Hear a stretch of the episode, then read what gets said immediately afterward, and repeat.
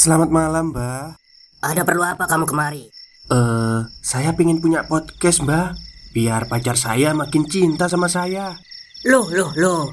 Mau bikin podcast kok tanya dukun? Sekarang kamu download aplikasi Anchor.fm. Di situ kamu bisa buat podcast gratis dan podcast kamu bisa didistribusikan ke platform mana pun. Dan di aplikasi atau website Anchor.fm juga terdapat fitur-fitur yang memudahkan kamu untuk membuat podcast. Oh, gitu ya, Mbak. Kalau gitu, saya boleh minta password wifi-nya, Mbak. Buat apa? Buat download Anchor.fm, Mbak.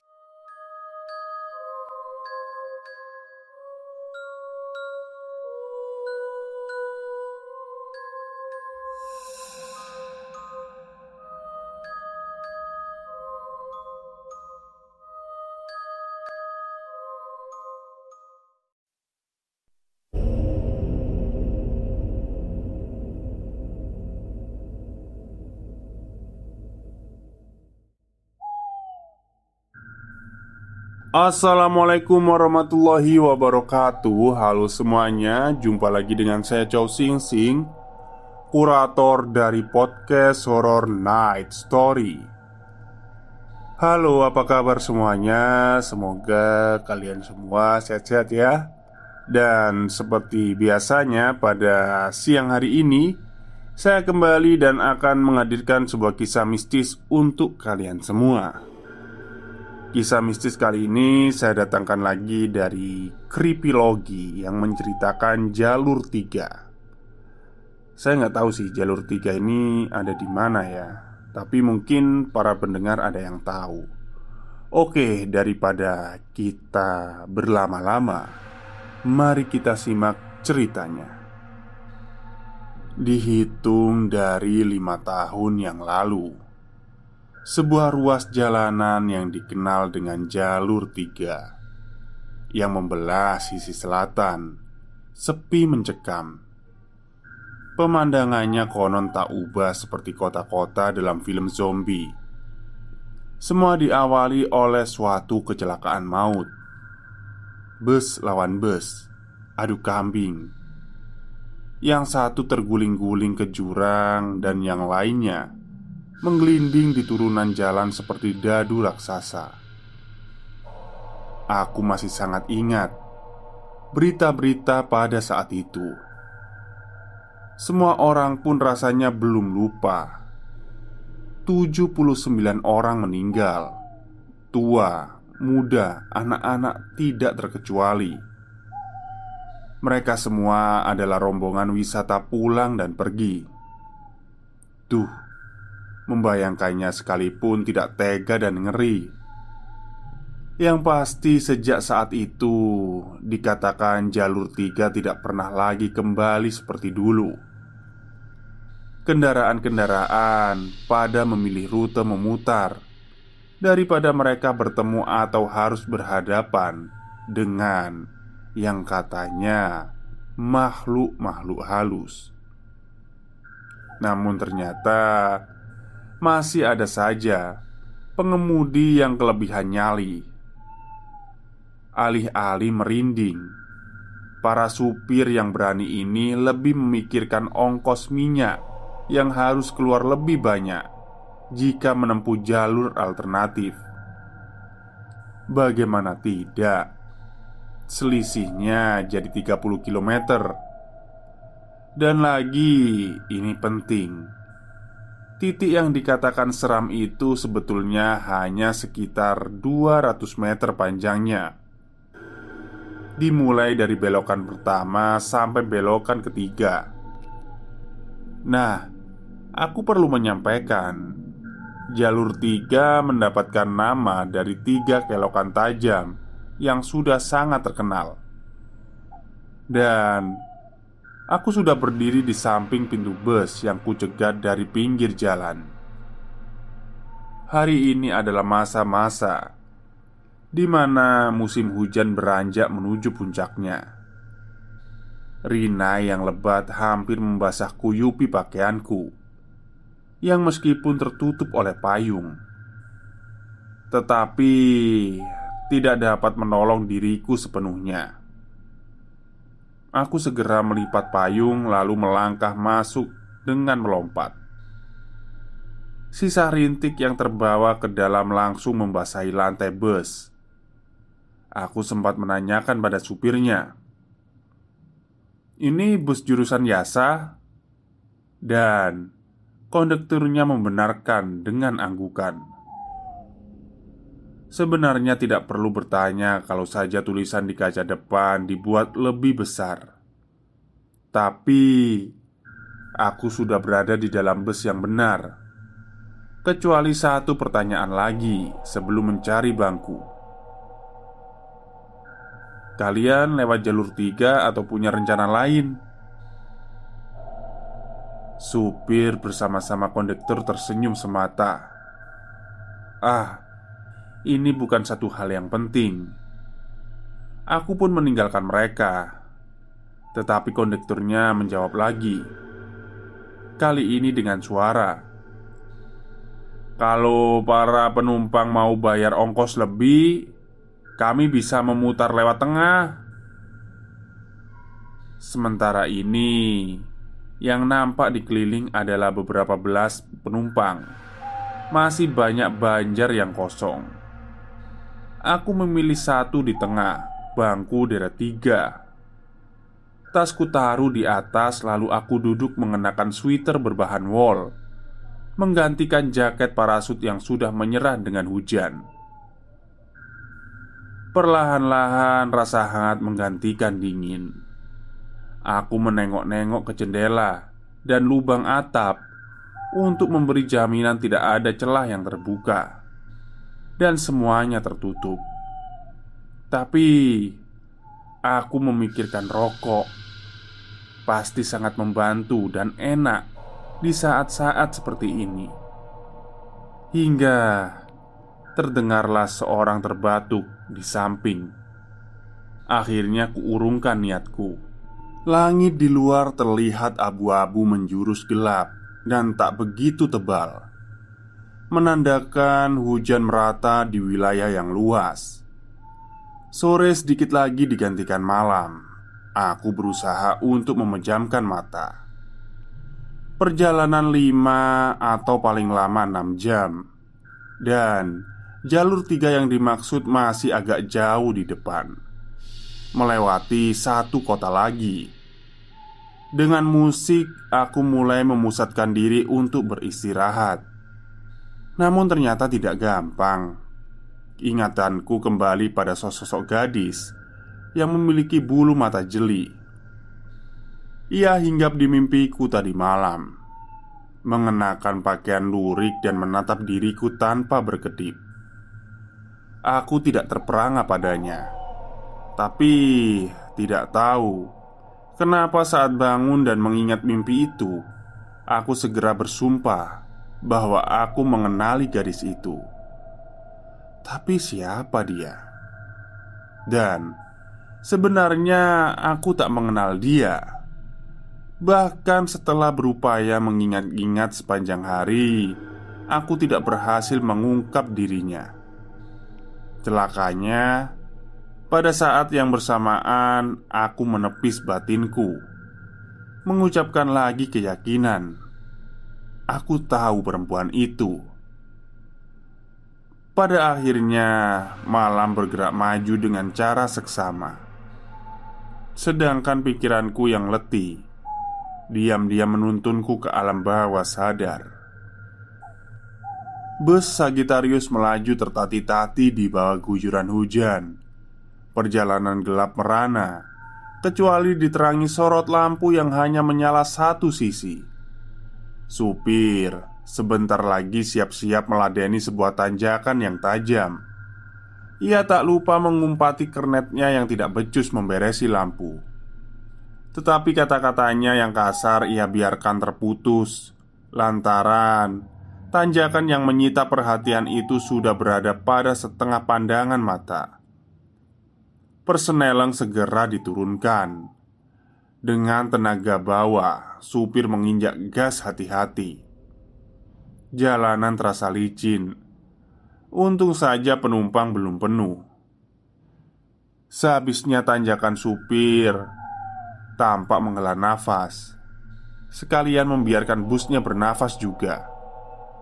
Lalu, jalanan menurun landai. Setelahnya, ia bisa lega. Medan selanjutnya datar sampai kira-kira 10 kilo di depan. Bus Sagittarius berpacu dengan kecepatan sedang. Wipernya bergerak naik turun. Hujan semakin ganas, dan semoga langit tidak mengirimkan angin tambahan untuk mengganggu perjalanan. Kemudian, rumah-rumah penduduk mulai terlihat samar tanpa pemberitahuan, bus menyingkir ke kiri seperti hendak mengambil penumpang. Aku yang sedari tadi memperhatikan supir menunggu siapa yang naik. Tiba-tiba tanganku mengepal, rahangku terasa kaku ketika ada seorang perempuan naik. Ia mengenakan pakaian lurik, ditemani payungnya. Matanya mereka-reka di mana dirinya akan duduk. Pintu bus yang baru dibuka membawa angin dari luar. Aku sendiri gemetaran, tetapi bukan karena menggigil di iris udara. Perempuan itu tidak bisa dibantah. Ia sosok yang sama dengan yang tertangkap penglihatan mimpiku. Aku menurunkan pandangan memejamkan mata sambil menerka-nerka apa yang sedang terjadi. Dan saat kepalaku terangkat, ia tidak terlihat lagi. Aku ingin duduk di bangku ini jika kamu tidak keberatan. Pinta seorang perempuan dari samping belakang. Aku tidak percaya bagaimana bisa mendengar suaranya. Ia tidak berkata lebih. Tetapi selanjutnya aku mendengar bunyi payung tertutup. Pelan-pelan lirikanku berpaling ke kanan. Sehingga tampaklah senyum segaris perempuan muda itu. Serentak tubuhku langsung berkelit merapat ke jendela. Dengan mencuri pandang, aku jadi tahu. Dia duduk dengan tenang Pandangannya dilepas lurus dan sepertinya dia tidak merasa terusik dengan lirikanku. Rambutnya tidak melebihi pundak Mengikal di bawahnya. Rahangnya seperti rahang patung peraga Dan matanya tajam. Aku tidak bisa menjabarkan lebih teliti lagi karena supir mematikan lampu kabin. Yasa Ujar perempuan itu. Aku lebih suka tidak percaya Kalau ia bertanya padaku Untuk itu ia takkan memba mendapat balasan dari ucapannya. Sepertinya bus ini akan lebih lama sampai. Itulah kata-katanya yang kedua. Dengan demikian ia sedang mengajak aku bicara. Ini sungguh tidak menyenangkan dan bagaimana ia bisa menebak dengan benar tujuanku. Sedangkan bus ini merambah tujuh kota. Stop, stop, kita break sebentar. Jadi, gimana? Kalian pengen punya podcast seperti saya? Jangan pakai dukun, pakai anchor, download sekarang juga gratis. Ke mana tujuanmu? Adalah pertanyaanku untuknya. Arah tatapannya tidak bergeming dari yang semula. Lalu ia membalas Aku ingin ke Yasa Apakah tujuan kita sama? Terasa sekali Udara dingin menyelinap dari luar. Bersamaan dengan itu tercium aroma tembakau bakar. Agaknya supir sedang mengasapi mulutnya. Suara batuk-batuk dari bangku samping kembali terdengar. Aku pun membatalkan niatku untuk merokok dan mencoba menanggapi wanita aneh di sebelah. Turun di kota yang sama tidak berarti satu tujuan, kan? Kuharap ia berhenti memperpanjang urusan ini. Namun, ia malah menyahut dengan cepat. Ranu Bintang, itu tempat yang menarik, bukan? Ternyata ia seperti Tuhan yang mengutuk dirinya sendiri menjadi telaga di tengah angin. Tempat di mana halilintar menjilat-jilat bumi, seperti banyaknya rintik hujan. Ada banyak cinta dan dosa dipertebuskan di sana. Kamu pernah pergi ke Ranu Bintang? Bertentangan dengan prasangka yang baru Betapa ia benar mengetahui tujuanku Atau paling tidak ia menuju tempat yang sama Lalu aku mengatakan padanya dengan suara diangkat Siapa sebenarnya kamu? Apakah kamu mengikutiku dengan cara-cara yang tidak masuk akal? Maka Akibat kata-kata itu tatapannya bergerak ke samping Sepertinya ia terkejut Lalu berkata Aku punya hak lebih dulu bertanya padamu Siapa kamu sesungguhnya? Dan bagaimana kamu membuat sosokmu selalu menghinggapi mimpi-mimpiku belakangan ini? Terasa setruman yang sangat kuat menyengat pelipis mataku Aku masuk ke dalam mimpinya Bagaimana mungkin? Bukankah itu yang telah menimpaku? Kepalaku jadi ngeri. Ia menatapku tajam dan dalam, seolah-olah ia mengatakan kalimat terakhirnya berkali-kali. Lalu perutku mulai merasakan mual, dan tanganku mulai menggapai-gapai pegangan apa saja yang bisa digapai. Wanita itu tak menghentikan sikapnya tapi lama-kelamaan Dalam penglihatanku yang memburam Ia sesenggut menangis. Nafasnya tidak beraturan dan seterusnya kian payah. Hingga Ia terbatuk sekali. Ia menutupnya dengan sapu tangan bergaris. Tapi aku dapat melihat Ada bercak darah yang membekas pada kain yang agaknya berwarna putih itu. Kemudian ia terbatuk lagi, ditutupnya lagi mulutnya dengan sapu tangan. Tetapi darahnya kian banyak keluar. Aku makin merasa mual dan nyeri, dan ia semakin terbatuk dengan hebatnya, sehingga darahnya bertambah banyak lagi, dan ia juga tidak mendapat menahan dirinya. Pada akhirnya, darah kental muncrat seperti pompa air mendorong dari luar. Aku melihat genangan darah di bawah kakiku hingga aku tidak tahan dan berteriak. Semua orang kaget berdiri menatapku. Aku sendiri terbelalak, wajahku berkeringat, perempuan itu telah lenyap dari sisihku. Perlu beberapa waktu untuk menyadari bahwa itu ternyata hanya mimpi. Orang-orang tidak satu pun yang mencoba bertanya padaku. Perutku mual dan kepalaku nyeri. Ada aspirin di dalam tas. Setidaknya itu bisa meringankan. Aku langsung berdiri untuk menurunkan tas dari atas. Membuka saku kecil di depan dan akhirnya Mendapatkan obat tersebut. Namun Aku juga mendapatkan yang lain. Selai sapu tangan putih bergaris hitam.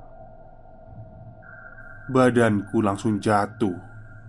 Sepat, Sepotong sapu tangan putih Terlempar dengan sendirinya Kain itu adalah kain yang tadi aku lihat dalam mimpi. Namun, aku yakin sebenar-benarnya itu adalah milikku dan sudah bersamaku sejak lama. Semua yang membuat diriku terheran-heran dan menakutkan ketika digantikan oleh yang lain. Rembes terdengar kasar sampai agak lama. Supir menghentikan bus tiba-tiba dan Aku hampir ambruk dua kali dalam waktu yang berdekatan. Sejenak kemudian bus menepi. Sebagian kecil penumpang memilih keluar dan aku pun keluar. Air merintik tipis dari langit gelap. Remnya harus diperbaiki dulu, bapak-bapak. Mohon maaf ya, mohon tunggu. Ujar kernet sambil menenteng kotak perkakas. Seorang penumpang yang baru kulihat sosoknya memasang wajah curiga. Ia bertanya pada supirnya, "Siapa yang kau lihat tadi? Untung masih selamat." Sundari. Sang supir berusaha menghindari dari pertanyaan lebih banyak. Setan kecelakaan yang dulu itu, tuntut penumpang yang sebelumnya bertanya, dan supir tak punya kesempatan lagi untuk mengelak. Ia menyahut Aku tadi rasanya melihat pintu terbuka Dan seorang penumpang wanita ingin melompat turun.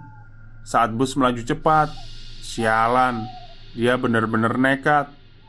Tetapi akhirnya aku melihat wajahnya sesaat sebelum melompat. Ternyata dia Sundari. Memang dialah yang paling sering bikin ulah. Aku mendengarkan Dan pengakuan supir yang bus yang memunculkan pertanyaan lain. Apakah aku ini tidak benar-benar bermimpi? Perempuan yang bapakku lihat itu Dia berpakaian bagaimana pak? Tanyaku tiba-tiba Dia selalu terlihat dengan baju lurik Tanda supir sebelum pergi Aku termenung-menung mengingat mimpi sambil menatap kosong jalanan panjang menurun. Samar-samar sebuah kelokan terlihat. Jalur tiga Yang sesungguhnya tampak di depan mata. Oke Baik. Karena ini ceritanya panjang ya Jalur tiga ini dari mas uh, Kripilogi Mungkin akan saya bagi menjadi tiga atau empat part ya Jadi untuk part ini sebenarnya ada tujuh part, cuman karena pendek-pendek ya udahlah saya singkat jadi empat atau tiga lah. Mungkin uh, part keduanya besok siang atau ya nanti malam lah kalau nanti saya nggak sibuk. Oke mungkin itu saja cerita untuk siang hari ini. Kurang lebihnya saya mohon maaf. Wassalamualaikum warahmatullahi wabarakatuh.